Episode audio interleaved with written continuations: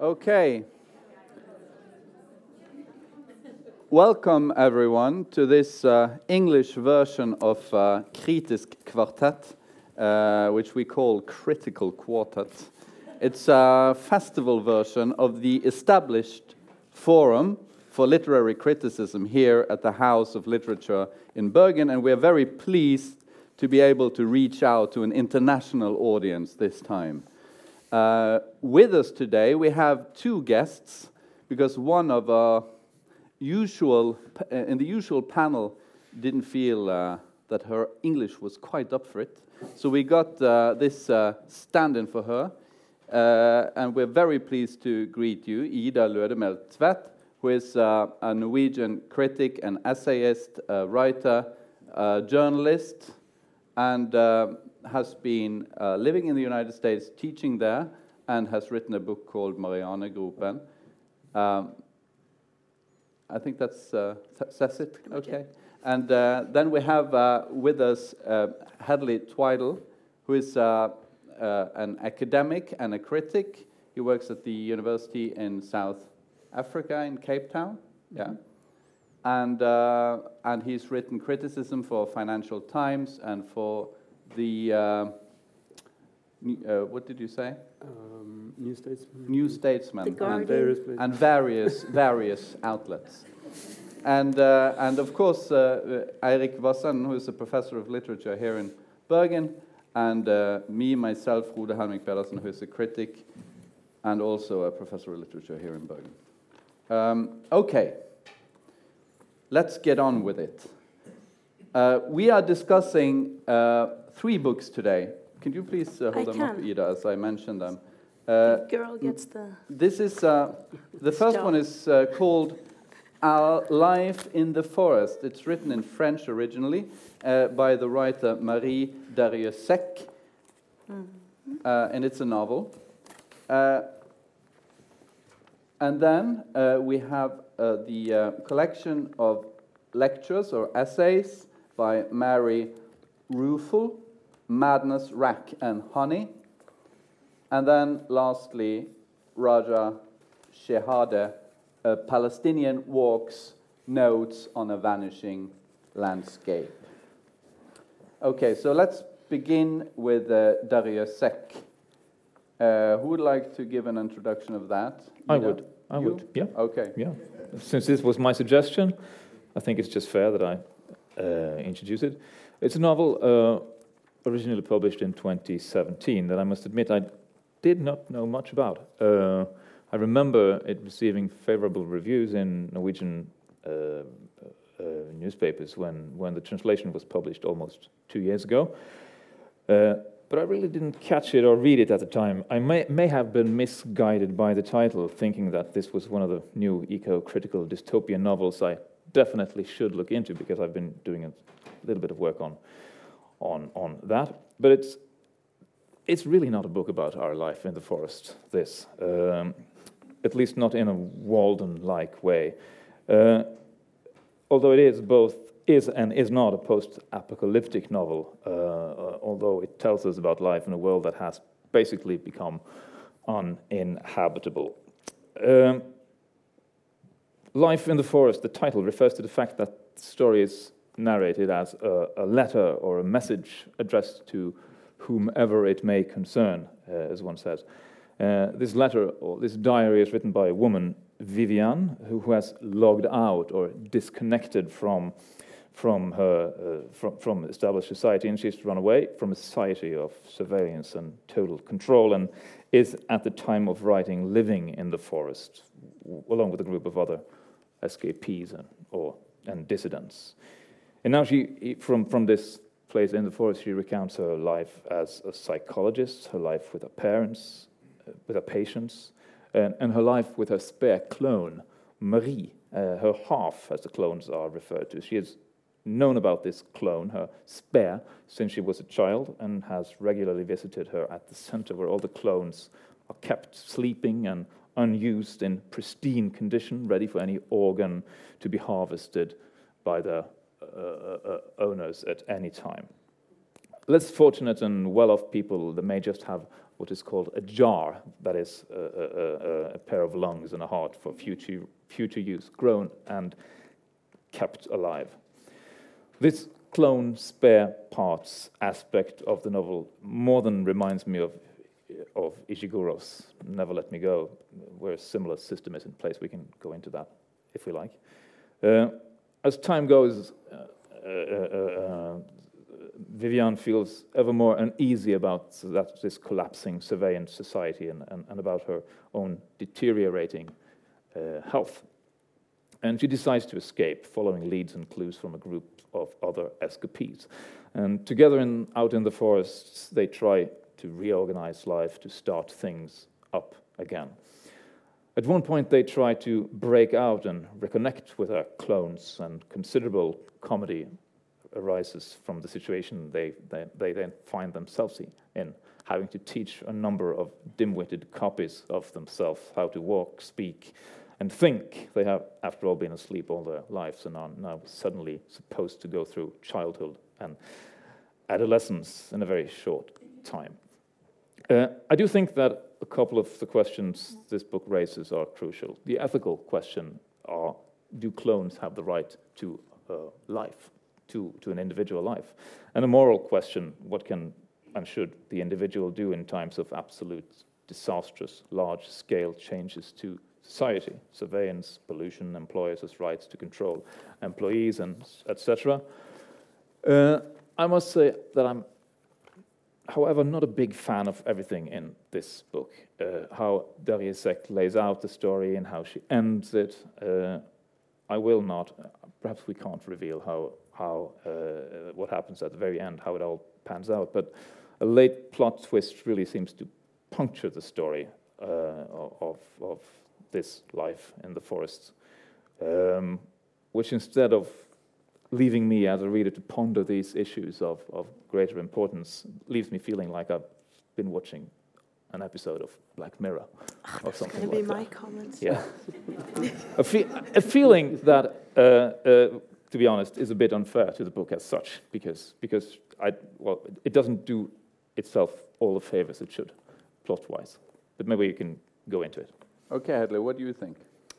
Ah, well, I think we're going to have to reveal what that plot twist is. Okay, you do it. well, I'm not quite sure I understand it, but, mm. but as I understand it, the narrator who thinks that she's had a clone yeah. or a half from which organs have been harvested for her uh, suddenly realizes that actually those organs have not, well, she, ha- organs have been actually harvested from her for some other version of her yeah. uh, who's actually hundreds of years old mm. and has been surviving. She's one, she's not a clone then, but she's a sort of, there's a, there's a very rich woman who's had both a clone and a living clone. So one clone is allowed to sleep in hospital and one is mm. allowed to roam in the world. Is well, that they're right? Both clones. Yeah. They're both clones. Yeah. yeah. yeah. Right. The, the, spare parts and then the second spare parts. The se- right. Yeah. yeah.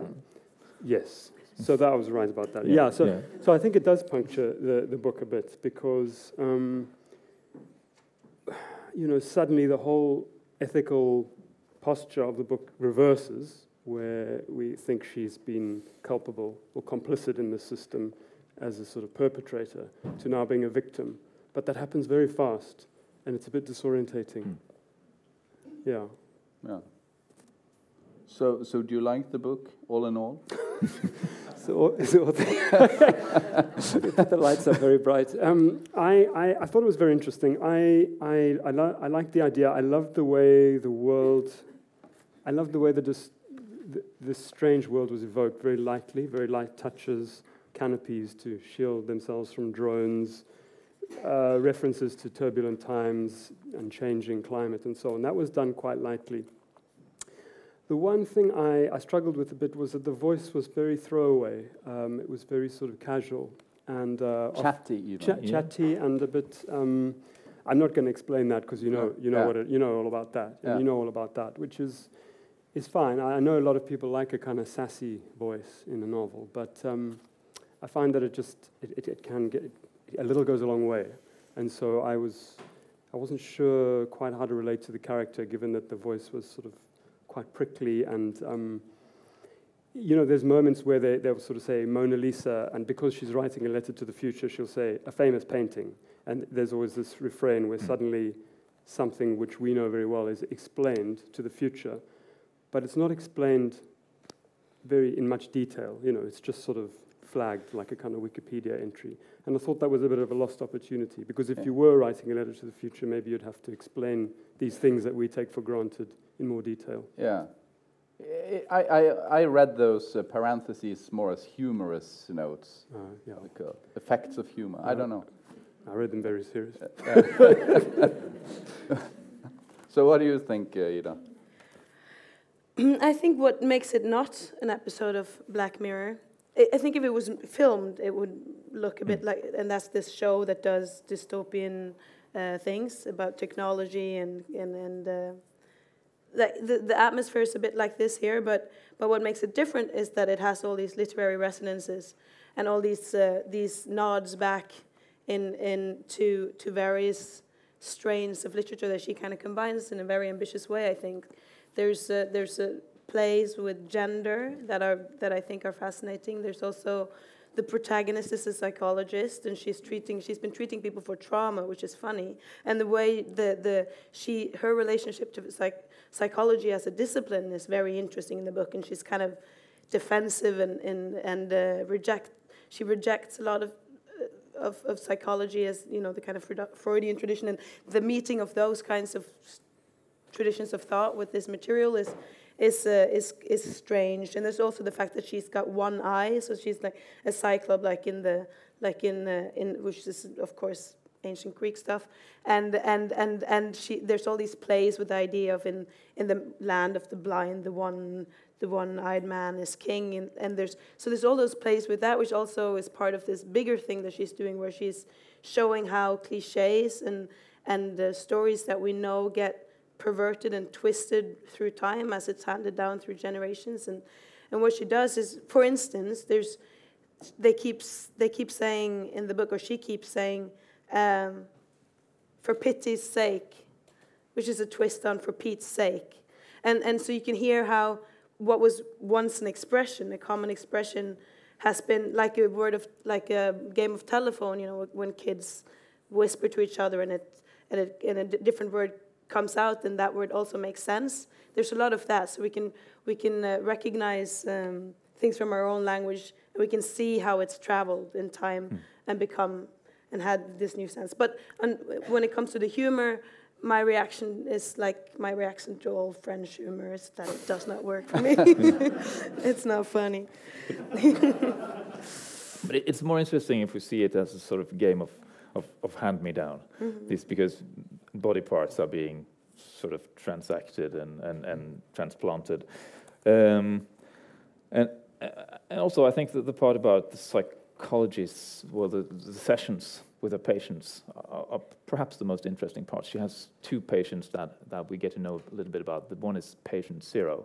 The patient zero, he's a man who, who she eventually falls into some kind of love with. Uh, and he has been working as a clicker, they call it. Uh, his job is to sort of teach computers because it seems like the goal of the society is to make computers and robots do everything. So his job is to teach robots uh, how to make metaphorical uh, connections, how to link an emotion to a word or to uh, an experience of some kind. So, so he's, so he's, well, he, he's the guy who teaches the robots, and he sort of uh, accuses her of responding like a robot because she is basically responding like a robot because she's practices this kind of psychology that that is some sort of stimulus response. Uh, at one part, her her old uh, her older colleague and supervisor, uh, a uh, Freudian, he dies and sort of passes out of the story, and this new branch of psychology sort of takes center stage. And the second patient that we get to, to know of is a survivor from a horrible plane crash, the sole survivor of, of a plane crash. And she, um, uh, her husband dies, but her husband has a clone, so he's, who's in the center. She goes to visit her husband's still living clone. He's, he's just a vegetable lying floating in a sea of milk, and she gets to go and hold her, hold his hand. Uh, so that well, those kinds of, of, of, human relations that are displayed in, in the psychology sessions, uh, I think they're more interesting than the, the descriptions of the society in, as such, and also more interesting than the plot. Because, because the society as it is described is ridden with cliches from other well-known dystopian novels, right? This whole idea of the plutocracy with the, with the clones and with, uh, with the strict control of everyone, and that you have to be sort of, uh, you have to be uh, connected through implants and everything is connected. So the only, the only way to escape is to run off into the forest and, and, you know, severing all the, all the bonds. I mean, most of this is, uh, is well known. Cough. Can you turn off my microphone while I go and cough? Okay. um, so I'm, I'm not so sure that the book quite manages to escape this, uh, this, uh, the many cliches that is uh, employed in creating this future scenario. I guess, I guess her, her main idea is to create a serious kind of writing on the top of sort of a genre uh, uh, mm. novel. Mm. So she uses the tropes of a genre novel and she writes this diary, which is which can be read as as a piece of modernist literature, maybe like a, a, a very um, uh, subjective kind of writing, uh, um, humorous, personal, and sometimes surprising in its uh, phrasing. And mm. so I think that's that's the general idea, but I think it succumbs to these cliches of the uh, dystopian novel, in my opinion, because and and you know, I'm mildly interested in those uh, psychology sessions. I must say, I'm not, I, I, am not very much engaged in them, and and it's and and this and the second thing is that she spends a lot of time mm. describing uh, the narrator's relationship to her clone, how she sits there by the at the side of this mm. sleeping clone, pages and pages and pages. I'm, I'm not that, I, I, I, can't really seem to get engaged in that. What do you think? Well, well you see, at that point, she goes to visit the, who she thinks is her clone at, the, at, the, time, and, and there, there, was a passage that I thought was, was very powerful where she, the narrator's at this point imagining that a lung and a kidney have been taken out of this clone and, yeah. and, and, transplanted into her yeah. body. So she imagines a scar beneath her breast and you know matching yeah. that of her clone. Yeah. So you know, at that part of the novel, it, it, there, there was a kind of tautness about it because it was it was really a kind of meditation on being complicit in the system. You know, if if, if this was her clone, but when we get the reveal at the end, and suddenly they're both the clones of a kind of plutocratic, evil, uh, sort of Cruella de Vil character who's got her eye and her eyebrows and is a gazillionaire. It seemed like um, yeah, some of the the complexity of, of, of, most of the novel, when we got the wrong idea about it, was, was a little bit deflated or squandered, and it became more of a genre where mm. there's an absolute dystopia, yeah. an absolute moral schema of, you know, and, and she talks about the 1% and the 99% yeah, and so on. for Bernie Sanders.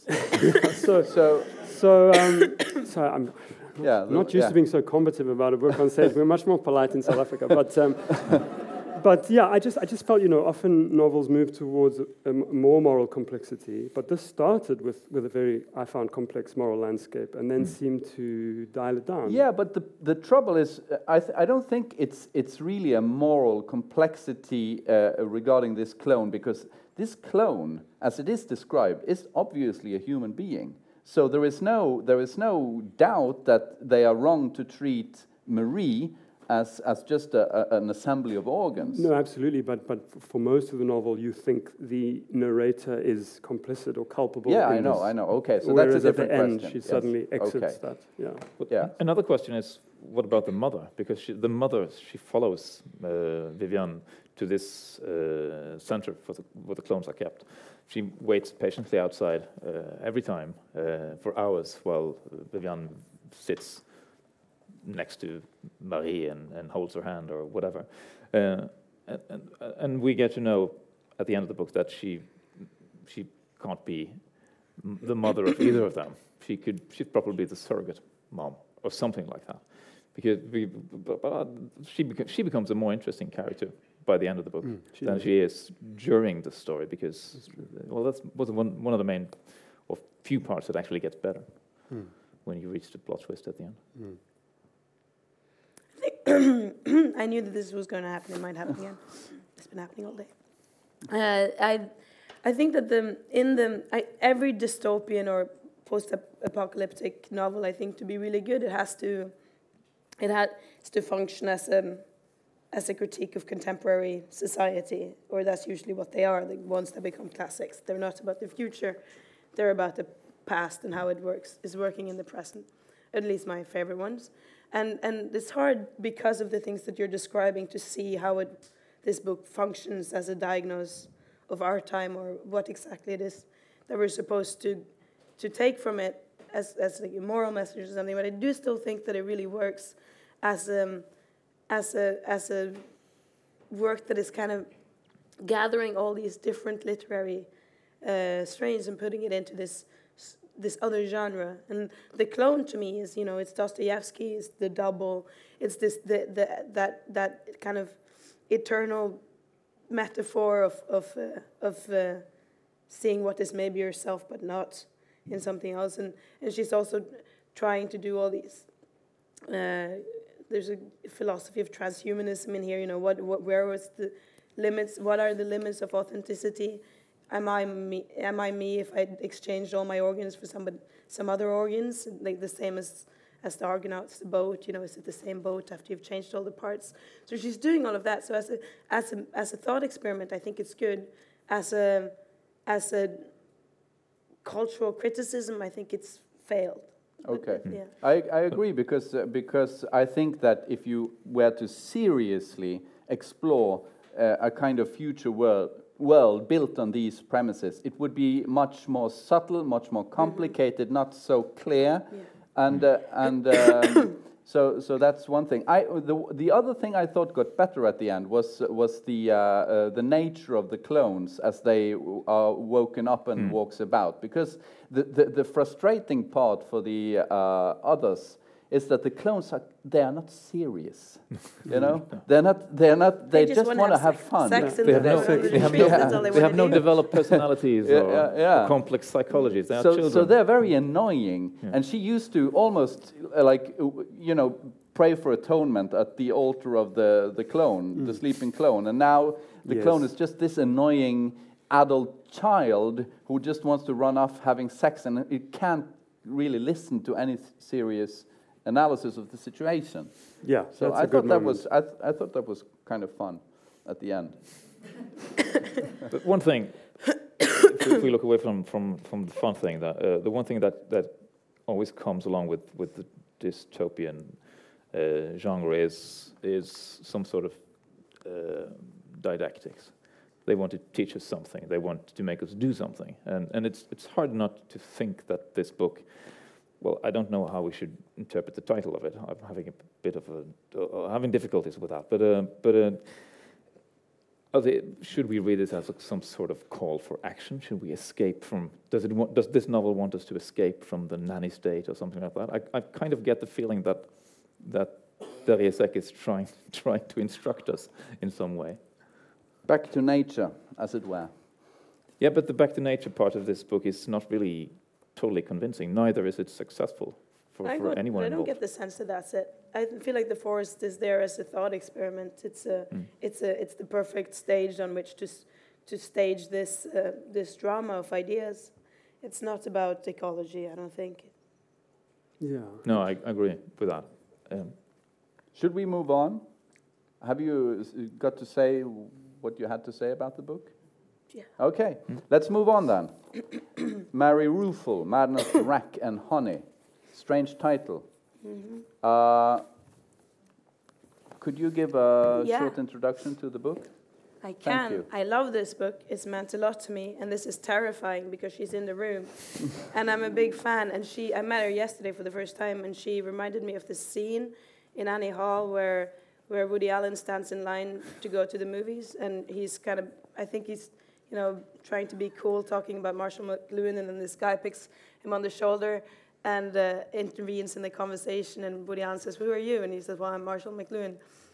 and this conversation is going to be like that because she can sit in this room and roll her eyes and think, "What idiots who have not gotten the gist of it."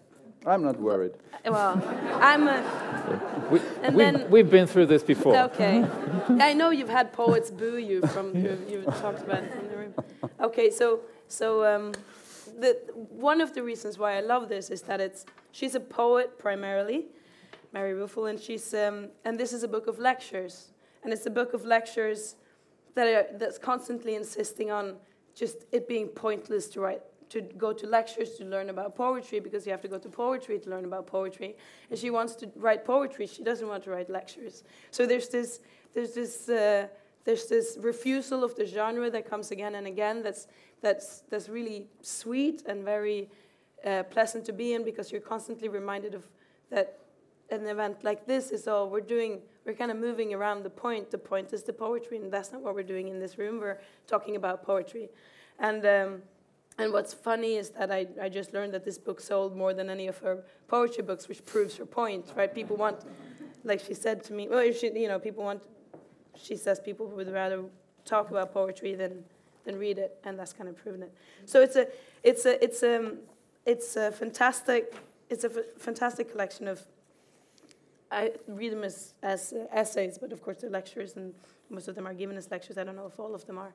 I can ask her later when I interview her after this, if you want to stay around. But it's uh, it. She, writes on things like sentimentality and fear, and and on um, on on writers that she admires, and and and um, there's a, there's these one thing that I see coming up again and again is uh, is the question of knowledge. She says in the introduction to the book that she's not.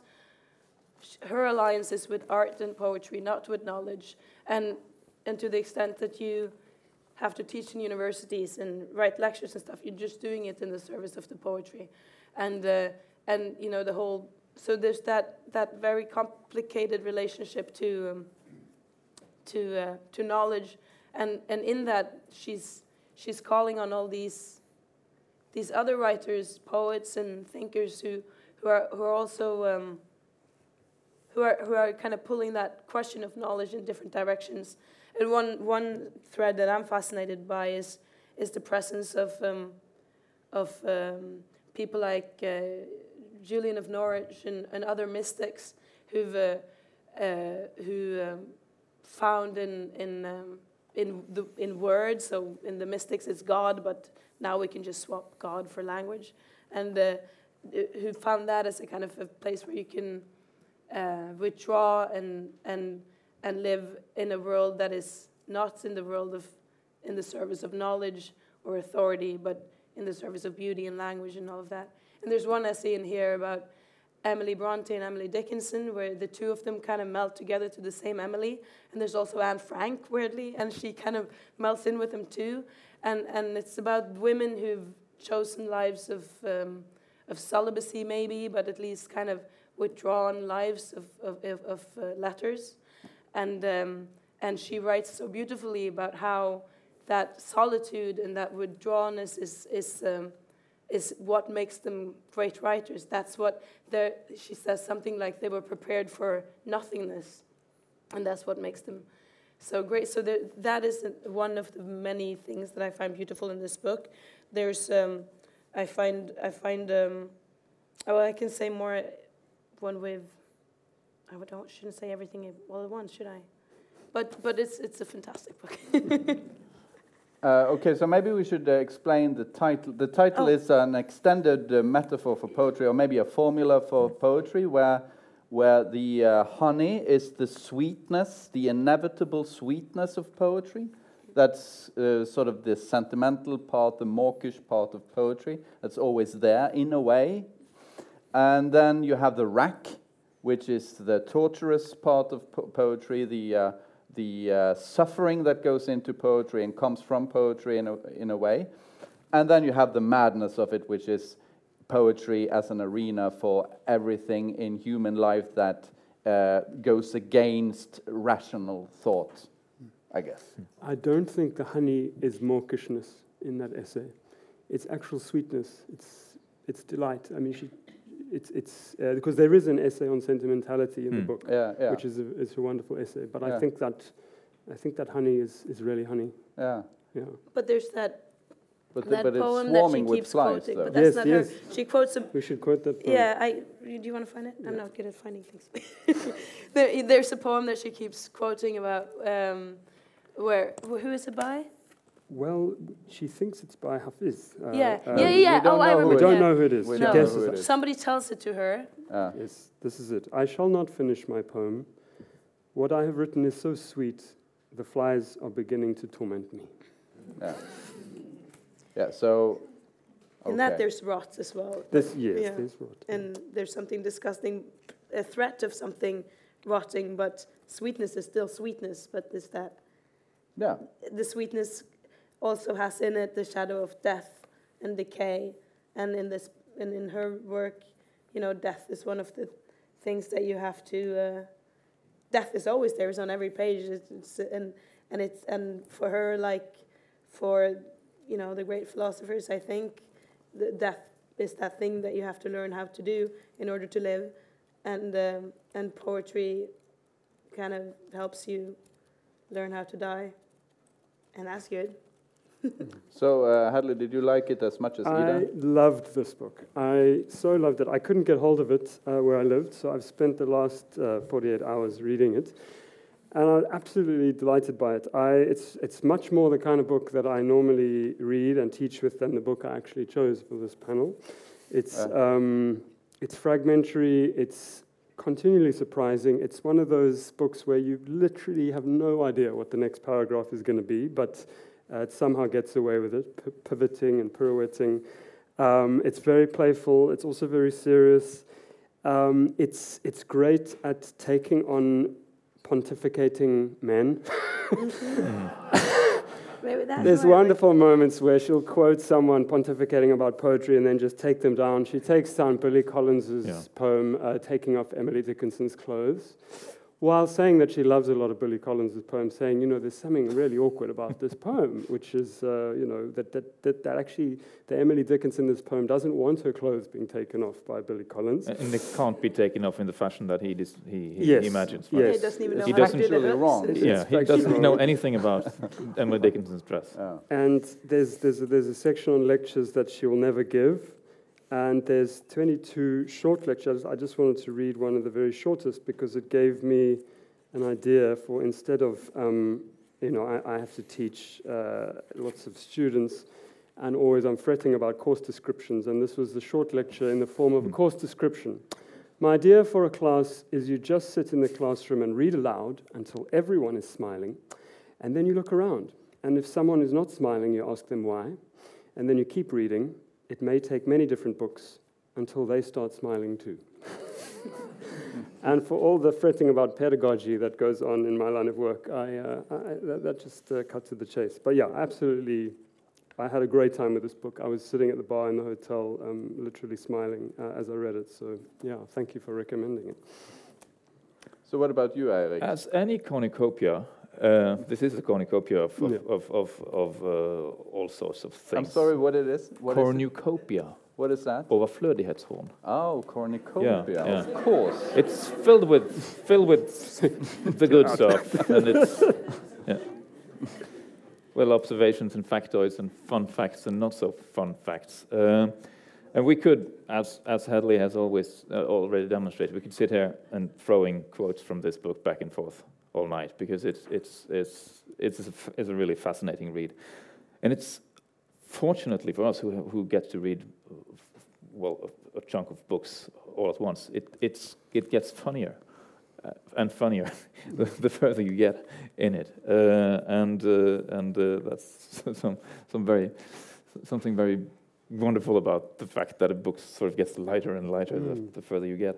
Um, and, and to me, one of the things, well, it's it's always constantly discussing the questions: what is poetry? What is writing poetry? Why are we writing poetry? Why are we reading poetry? Uh, why are we reading? Why do we rather want to read about reading poetry than reading poetry itself? Uh, um, and it's it sort of develops these thoughts in a sort of experimenting, organically developing way that we could call it Montaignesque or something like that, because it's it's trying and and and and circling around the big questions through seemingly small details. Um, and to me, this it sort of highlights the importance of straight stray thought because it, it always sort of strays out and goes out in, into different directions. And, and, and this is perhaps one trait of, of Ruefle's uh, writing we could discuss. What, what role does randomizations or serendipity actually play? Because it seems like it seems like you're sort of thrown off into into a random direction, but but it also seems to be well thoroughly well planned mm. that you end up at that specific point. Mm. Uh, so so so well, how well planned and organized are these stray thoughts? Uh, many of them are built up around systems.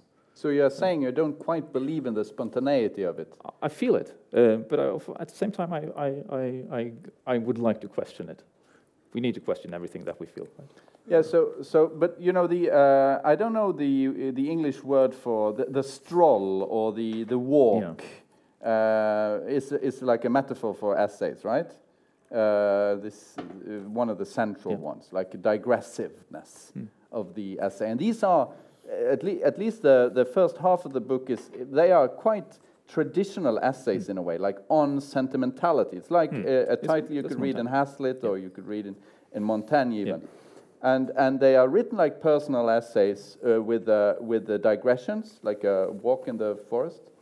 I feel uh, like she's playing with the tradition of the essayistic digression, though. I don't know how consciously or planned, but it, there's a there's this there's this uh, snarky way that she does it, where you feel like she's going like, "Ta-da! Look at my digression," mm. and it it's, it feels random, but it also feels really controlled. So it's a meta digression. It feels a little bit like it sometimes that that she's like, "Look at my look at my cool juxtaposition of elements that don't totally fit together, but they really, really fit together," and. Um, and there's, I mean, there's, um, we have a big Norwegian um, Mary Ruefle fan in in in Gunhild Øyehaug, a great Norwegian writer, who's uh, who who I asked her, you know, what what in the bar the other night, what should I ask Ruefle about, if anything? And she said, well, her wild associations, her, her associations. She said the way she she uh, she uh, she uh, she jumps from one thing to another. In an essay she wrote on on her work, she, she writes about exactly that, about how um, she writes about this essay that she's translated called Snow, that, that begins, it's about sex, but then suddenly it's about birds, and then it's about sex again. And the way that the bird part just comes out from left field and it's shocking and strange and completely a thing in its own, that makes the whole text. So there's this, it's that juxtaposition that of two rooms that makes it so powerful but I think she's very much in control of it. Even, but I, I mean, who? We'll have to ask her. But but but you're all talking about them as essays. But but I read them very strongly as lectures, which mm. they were, mm. as I understand. I mean, in the preface, she says she's working at uh, this institution in Vermont, and for some departmental reason, she has to suddenly deliver lectures on poetry. Doesn't really want to, so starts.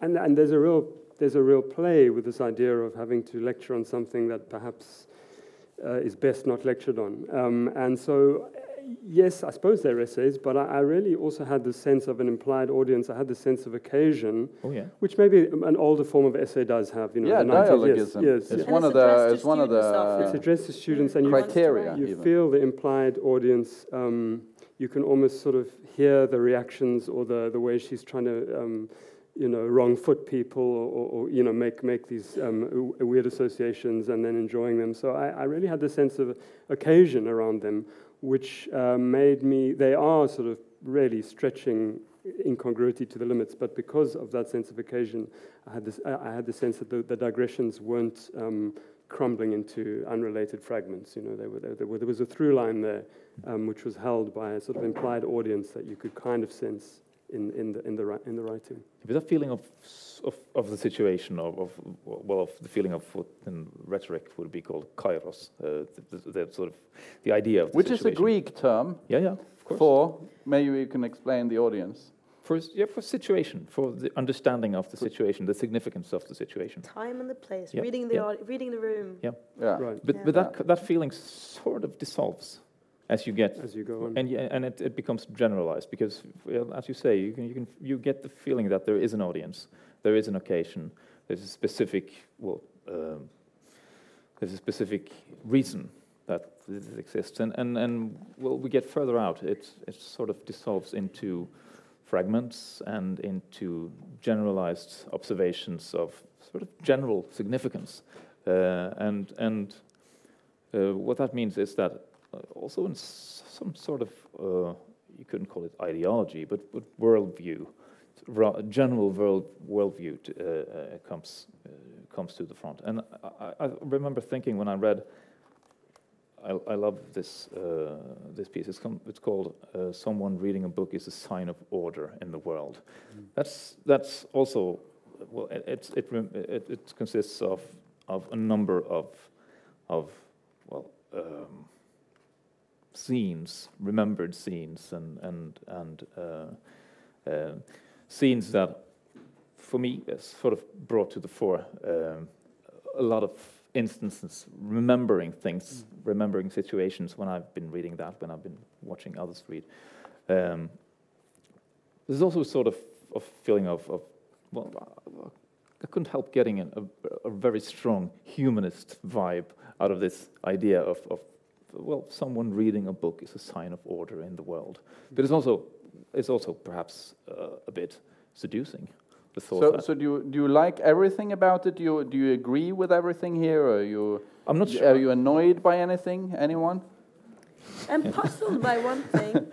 I'm puzzled by one thing, but I don't disagree with it. But I wonder, she writes somewhere, or does she say it somewhere, that uh, that um, that she's, uh, you know, the, the topic of gender is never interested interesting in poetry, which I really, really agree with, and that she says, you know, I'm a, being a woman has been important in my life, but not in my work, which is I think is a brilliant way to put it. But then still, there's all these women writers, and she's accumulating them, and there's a very clear gender aspect to the lectures if you put them all together, and and then the alliances she's drawing up. So I'm wondering Yeah, I'm would, wondering yeah. What's I, going on there, and I think something interesting is going on there, but it's not clear to me yet. would anyone? I, I, I, I just let me say that I enjoyed the book uh, very much as well. Uh, but uh, did any? Would anyone uh, mistake the author of this book for a man? Could that happen? Yeah, You think so? yeah. What about you? Phew, That's the Vietnam question, isn't it? Um, wow. Don't know why it matters. No, but be, because it, it plays to the to the theme. You know Mm. what what she suggests that it's it's of no importance whatsoever, right, for Well- her writing. I I don't. I, I don't. I, I found that the least convincing part of the book when she says that. I think Okay. I think that there's all kinds of other insights around gender and men and women and and and and, and writing that that, Yeah, are, that, are, that are much more complex. I don't that. think we'd imagine a man writing the part about menopause. Mm. No, instance. obviously not the parts where she says that she's a No. I mean, Mm. that kind of. Uh, so, but what do I? Uh, so I think I think what I enjoyed most with the book is Best that essay ever on menopause, though. I had to interrupt you to say that. Yeah, Best thing ever that I've read, and I read a lot, which is weird, but but I'm very fascinated by. I was telling my mom about it the other day. She's there. We were walking down the street and saying, "This is the most beautiful thing I've ever read on the prospect of aging." Because she just kind of. Sorry, I interrupted you. Is that okay? no, no, You yeah, interrupt me. completely, And completely so, so there's a, there's enjoy a, that. she describes it as this uh, as this uh, as this ten year period of just hell. Like it's much worse than you think it's going to be. The hot flashes, like it, the tiny part of it is nothing. But then on the other side, you emerge as this other creature, and it's amazing. And you never want to go back and you look at any woman buying ta- tampons and, and thinking you're just a child, you little girl, you don't know anything. and then that, that just I'm never going back to to what was before. And that's just that kind of liberation that she describes. That's one way that she describes freedom. She des- describes freedom in many ways throughout the book, but but uh, but I, I that's such a moving, gorgeous piece of writing. It's very comforting, and a lot of the book is comfort. I think she it's addressed to students, and a lot of it is her comforting students and telling them that it's okay, Yeah. everything's okay. And she's also uh, she's also very open and positive towards uh, phenomena in the world that you would expect her to chide. For instance, like uh, uh, like uh, advertising Yes. uh, with the name poetry, which has the word poetry in them, and and and uh, one would think, oh, the, you know, the degrading uh, advertising, ruining, you know, uh, uh, poetry. But no, she's she's really doing something out of this, and she's quite. It, it's quite interesting. She's also positive to towards uh, Las Vegas, and you know, uh, um, I, I kind of enjoy those surprising yeah, moments. I, I enjoyed that, Yeah. that treatment of she's looking for the word poetry in advertising and then comes across this advert about fine poetry. Yeah. it's just, what the heck is fine Yeah. poetry? And then, Yeah, she then says, "Well, I gets a thought little about it." We're annoyed. the, we're It's the Dante. grandchild of Yeah. She says, what do you think? Of who's got fine poetry on the shelf? It's Dante, Rilke, and T.S. Eliot. And then it sounds snooty, and then she Yeah. says, but of course, any real poet has them on their shelf Yeah. as well. You know, Yeah. so there's a real sense of, of her being really confused by her own thoughts, um, and and yeah, honest about that. And uh, yeah, I really yeah, it won me over that. Yeah, and and also the fact I I uh, kind of disagree a little bit about reading them as lectures. I thought that they were classical essays, like really, and, and it was something that I really enjoyed with them. The way you know, there's on sentimentality, and Yes. you, you you start out with the topic and you go back and forth and you come back to it. I really enjoy that, and it's a kind of it's a kind of writing that shows that you can do something with the essay that you can't do in academia and you can't do with philosophy and not really with poetry either, although they are very much concerned with poetry uh, the whole way through. So I thought I really enjoyed that, and I really enjoyed also, you know, disagreeing slightly and then thinking, you know, for instance, she has this uh, thing that I would rather wonder than know. That's sort of her credo. That's sort of a basic, uh, like you mentioned. Yeah, and another refrain. This is true, but also untrue. Yeah, like so, and they are they are a bit dubious. You know, th- this I would rather wonder than know. This is something that uh, the Enlightenment figure Lessing once said something similar, and it's it's very it's very common to come across this as sort of a a demarcation of literature as opposed to uh, other kinds of writing and uh, mental activities.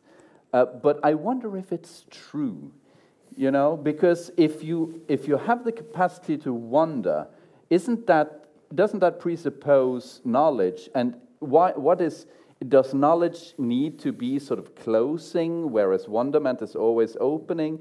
Uh, wonderment can also be closing. I mean it can also be empty so i i don't think but i don't think she means obviously she is very knowledgeable so i don't think she means to to sort of depreciate knowledge in a way but it's it's it's that it's kind of it's kind of um, commonplace Yeah. to say this Yeah, You Yeah. asked you asked previously whether we had there was something that annoyed us, and and this is the one the one objection that I do have because I understand that when she says several times that I know nothing about poetry, I know absolutely nothing about this. Uh, I've been doing it all my life, and I don't know anything about what it really is and how it really works. I know that she, that's not to be taken ad verbatim, but it's, it's, it's a device, right? It's, a, it's, it's another way of asking a question. It's a basically a Socratian uh, notion of, of, of you knowing enough to not say that you know, uh, something like that. But it, it, it's, it's repeated a number of times, like you say, for them, and, and it also means that, that the idea of yeah, the idea of knowledge is, is it's seen as not something that you want to have. Uh, it's something that you you you you like to shy away from if you could.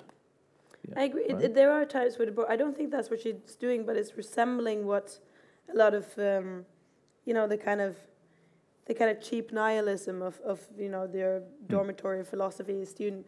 Like sometimes you can, in those, you can f- get scared that that's what she's doing. That she's just scared. Everything is relative, and we don't know, and I'm hmm. clever because I don't know, and I've read my Nietzsche. But I don't think that's what she's done. Hmm. But I'm, I'm totally allergic to that, that kind of bourgeois nihilism posing.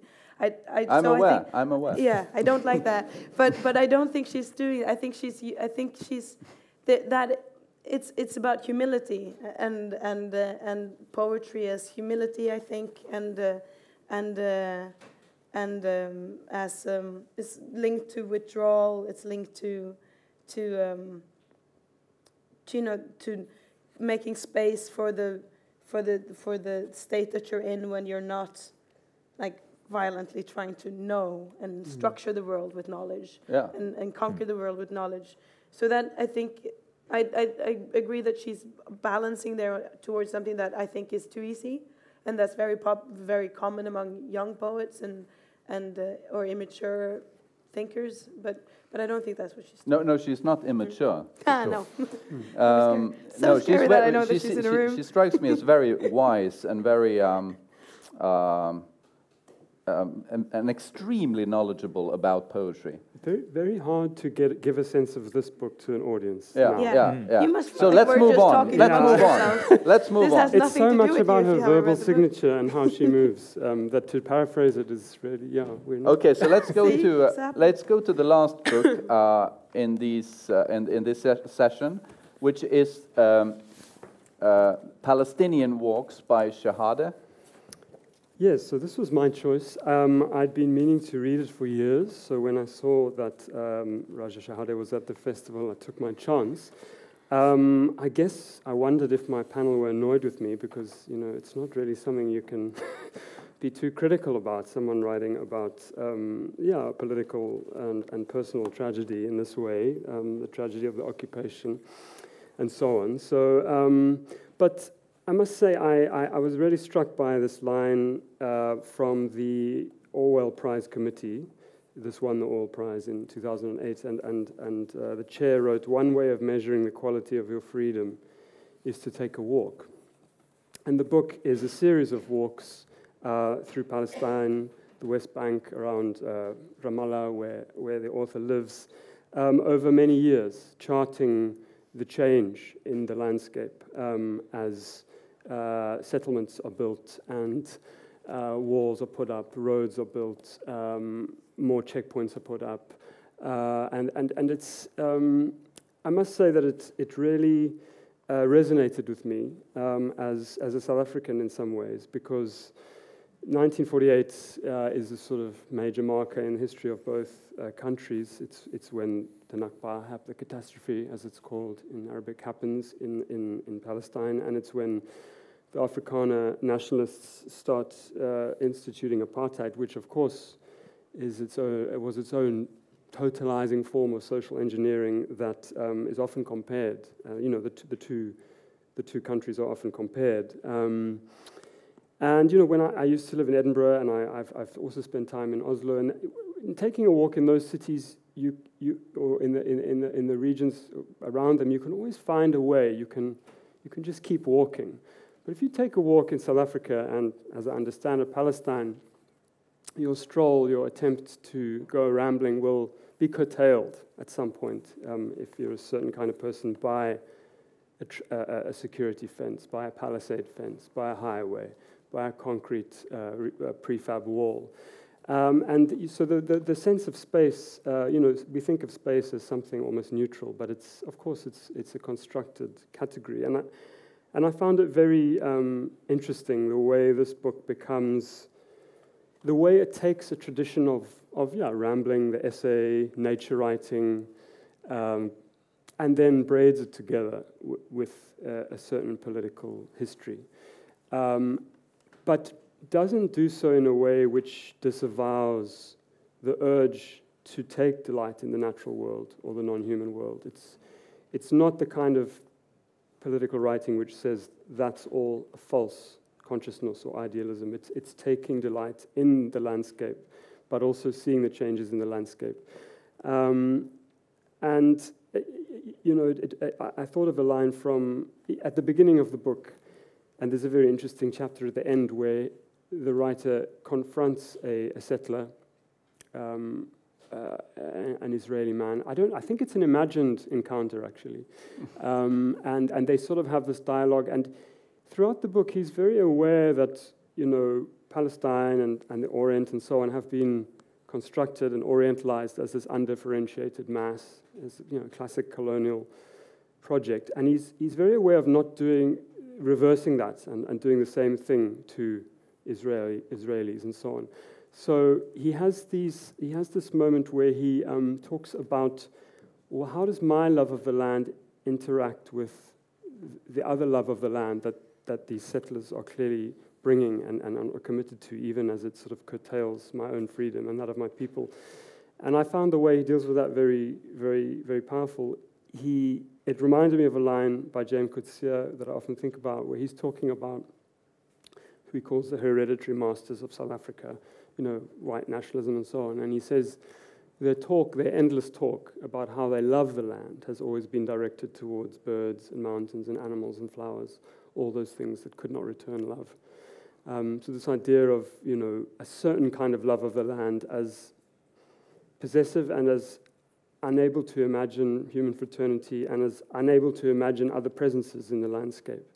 And so it was interesting to me in speaking to Raja that, that you know, Coetzee went to Palestine for a military festival a number of years ago, and he was taken on a walk by Raja. And just this, yeah, this, this sort of distortion in, in the way one relates to to the natural world and to landscape that one finds in, in certain parts of the world, in South Africa, in the American West. I also think of Rebecca Solnit's writing about um, Yosemite, you know, and, and the clearances and forced removals that are underlie nature reserves in many parts of the world. So, uh, you know, I, I, I, also found it a very sad book. Um, it's sort of also a book in which he's having to resign himself to a certain kind of defeat because he's a lawyer and he's trying to oppose the settlements via legalistic means. But again, the resonances with apartheid South Africa are, are, are salient because apartheid was a regime that fetishized legality and due process, even while there was an ideology behind it which was driving through an agenda. And so he, he tries to oppose these settlements, and there's some very detailed, granular accounts of his cases that he takes on to try and save people's houses and villages, and then seeing how it's just met by endless um, prevarication and complication and obfuscation by the legalistic language, uh, uh you know, of an Israeli-controlled um, judicial system. So it's, it's a very sad book about actual resignation, and, and I wouldn't say surrender, but, but, a, but a certain kind of recalibration um, when what you've given your life to fight for is, is, is not working in the way that you, that you thought it would. And also interesting his relationship towards the Oslo Agreement and the PLO and how the political exigencies and expediencies seem to have betrayed certain, um, certain parts of the struggle around people's ordinary lives. You know, um, so yeah, it was, it was, it was a dense, a dense work, a sad one, but um, yeah, it, it was one that will stay with me. Yeah. Yeah, and it's it's particularly interesting uh, to Norwegians uh, to read about you know the disaster that was mm. the Oslo uh, Agreement, mm. and uh, you know as you said, some of uh, some of its disappointment has to do with uh, the way that the legal activism that he's been engaged in for so many years doesn't seem to work. You know, it's because the master plan of the Israeli settlements uh, is going to go through anyway. But he also says that if, if the PLO had had better legal counsel, then uh, the Oslo Accords wouldn't have happened. So he still, he still has that faith in the legal knowledge that you have to have that. Because what happened with the Oslo Accords was that the, the question of the settlements never, was never really on the table and wasn't addressed in any meaningful way in the agreement. So the settlement just kept going uh, after the agreement was made, right? So, and mm. they didn't re realize the consequences at first. Uh, so, and, and also the question of, of the refugees, the repatriation of the refugees wasn't addressed. And so it was, it was a fait accompli, I think, uh, to the, towards the Palestinians.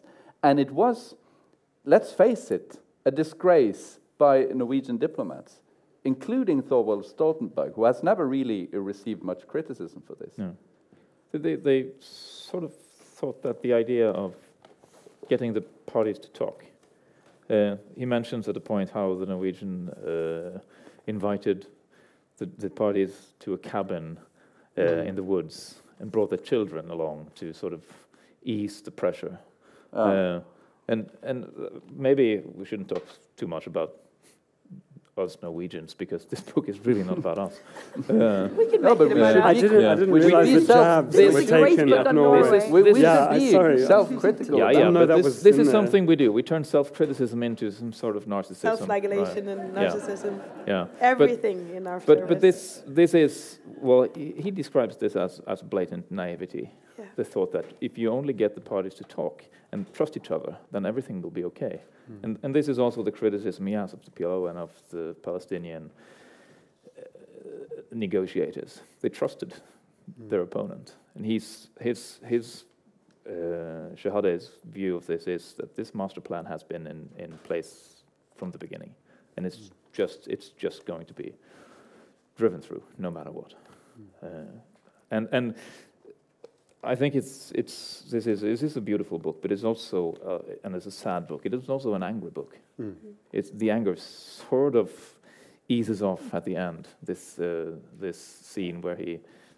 Well, imagined or not, it's it's almost too good to be true because you, you you're hoping for some sort of some sort of relief or some sort of reconciliation, and it ends up confronting uh, confronting a, a, a young Israeli, and they're sort of finding their peace over a pipe of hashish and Mm. and, and and and kind of returning to that imaginary landscape that that he enters at the beginning as a as a child.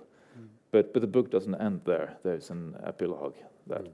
that uh, that's well. There's not just one enemy here. The, it's not just the Israeli. It's also it's also our day and age, or or our day and age in 2007. Because at the last walk, he, he takes a British journalist to to show her the very enclosed and and and and prohibited areas that he used to walk in, and, and they're confronted by two very angry young Islamists, aggressive teenagers.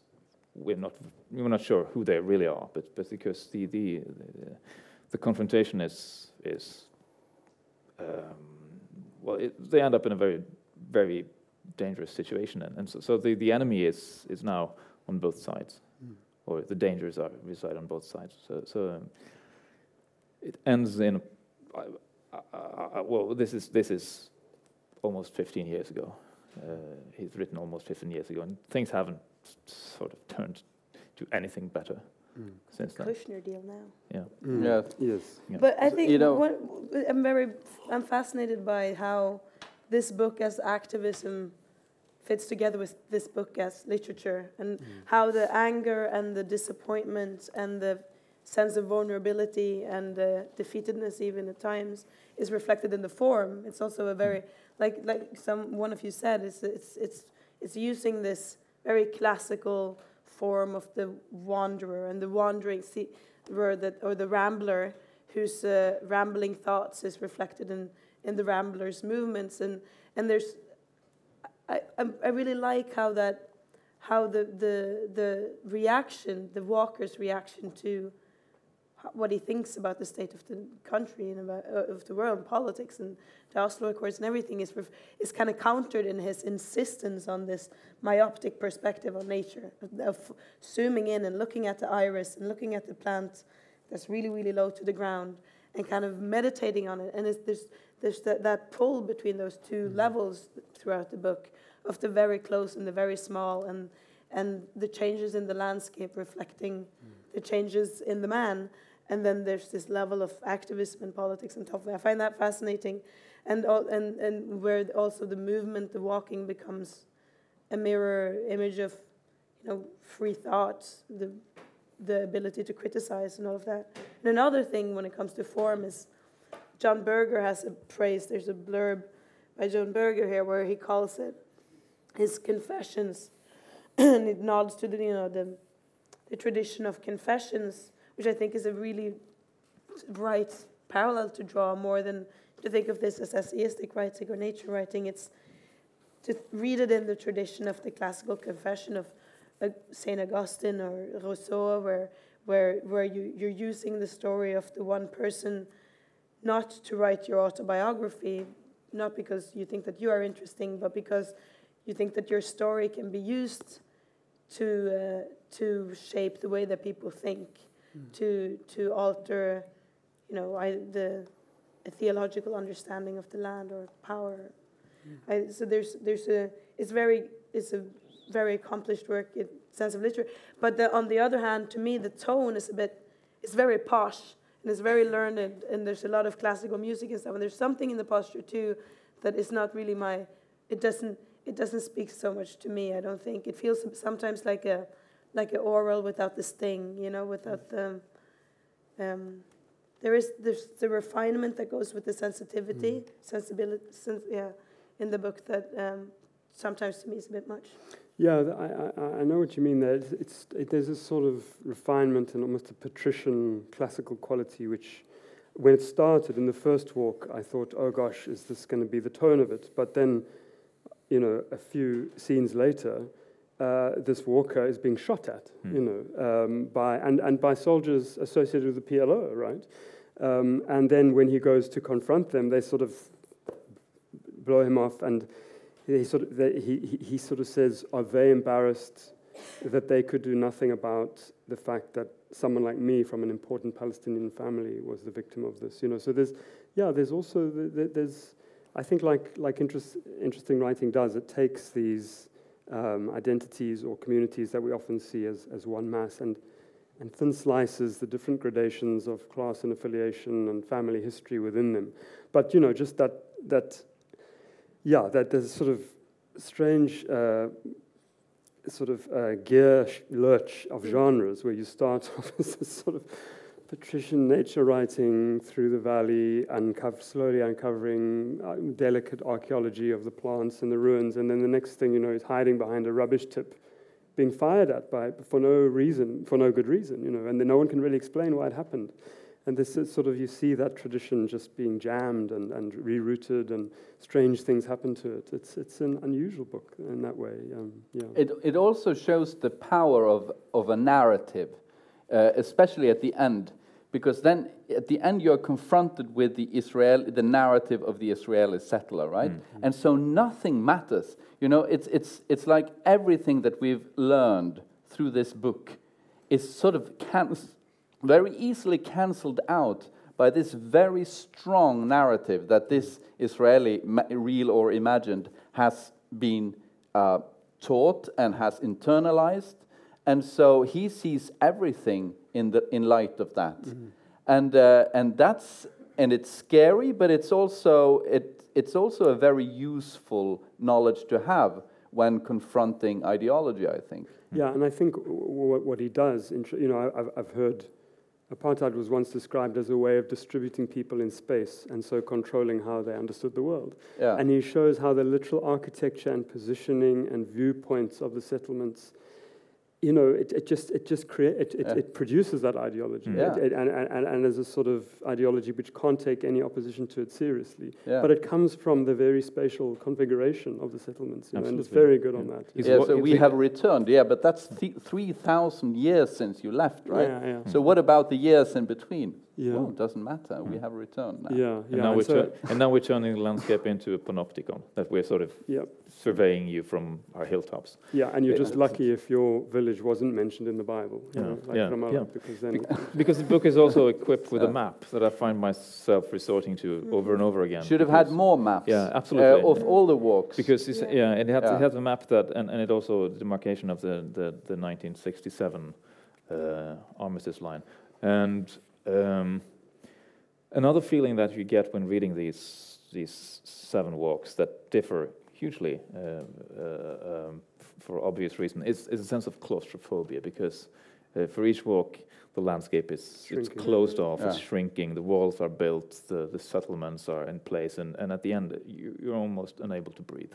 Mm. Yeah. It's you're sort of stuck in this position, and and this this is where you're confronted with uh, with that yeah. that that's that story that's yeah, internalized and that's sort of the third generation settler yeah. who's just sort of uh, well it's like the brazen entitlement yeah. of the yeah. Israeli settlers like this this it, it's nothing nothing of this you know violation of the land the destruction of hmm. uh, the landscape matters hmm. it's it's it's very powerful how he has constructed this at the end there because because otherwise that wouldn't work. If you started there, it wouldn't quite work. But what if that's imaginary, as I think Well, it may be? Yeah, but Doesn't it doesn't really matter because it's it's what that kind of uh, Why do you person think would it's say. I think. imaginary? Because it says an imagined sarha. Oh, at the because it end. says so.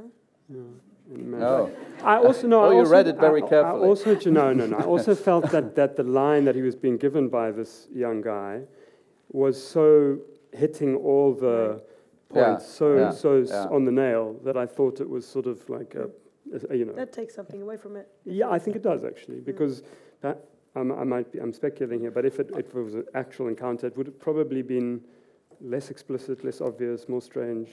I think the book could could it would serve it well. And I see that he does this in his other work. It's something very. It wants everything is.